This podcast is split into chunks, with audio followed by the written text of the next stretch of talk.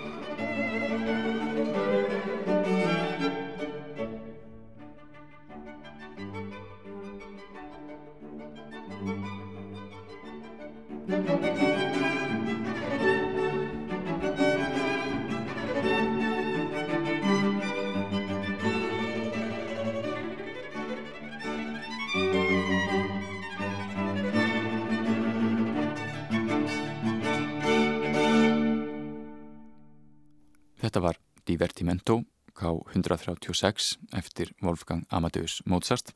Það var Hagen kvartettin sem leik.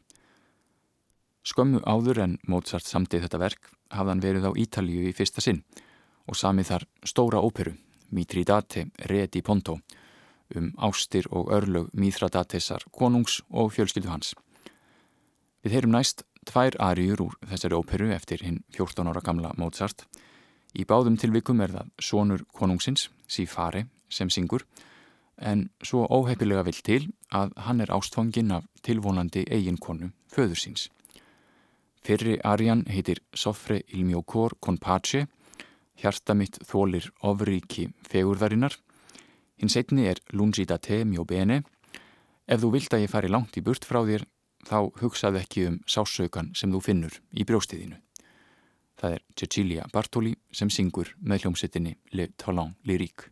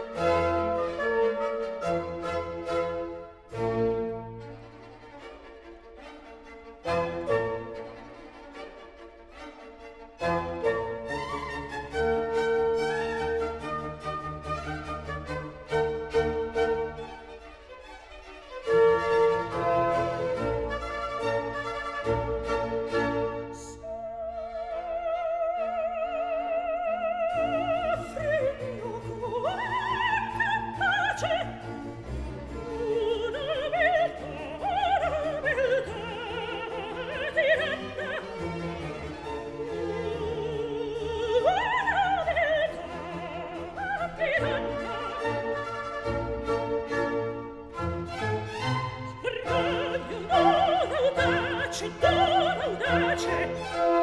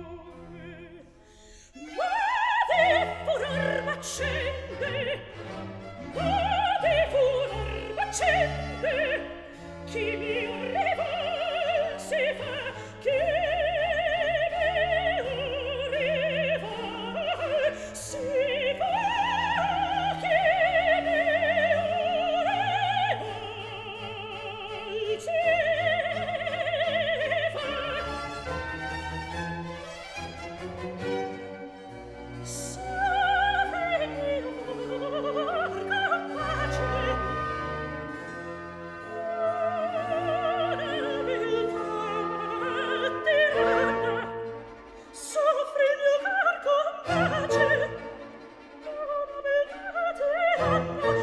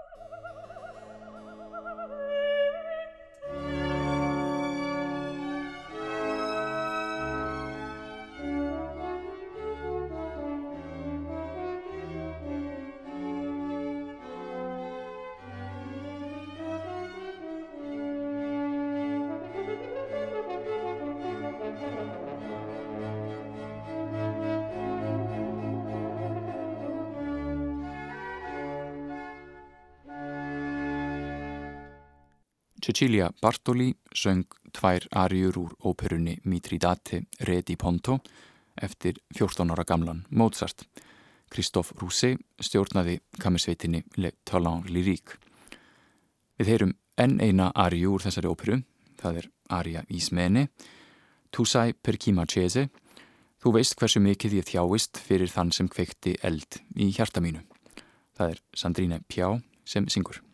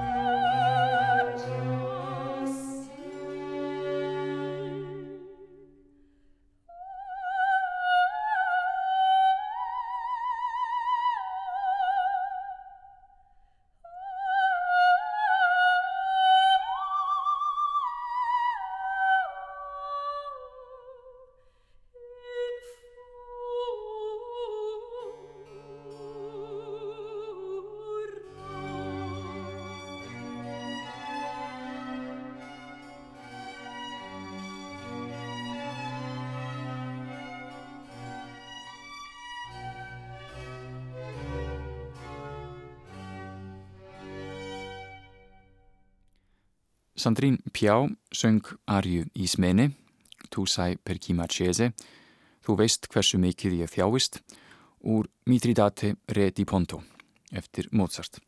Kristoff Rousset stjórnaði Le Talent Lyrique. Að lokum heyrum við Exultate Jubilate, Fagnið gleðjist, sem Mozart samti í janúar 1773 fyrir einn af aðalsöngurum í óperu sem hann hafi þá nýlokiða semja fyrir óperuhúsið í Mílanó. Þættirnir eru fjórir, fyrst hraðurkabli, svo stutt söngleis, þá hægurkabli og loks glæsilegt Halleluja í lokin. Það er Emma Kirkby sem syngur með The Academy of Ancient Music, Christopher Hogwood stjórnar.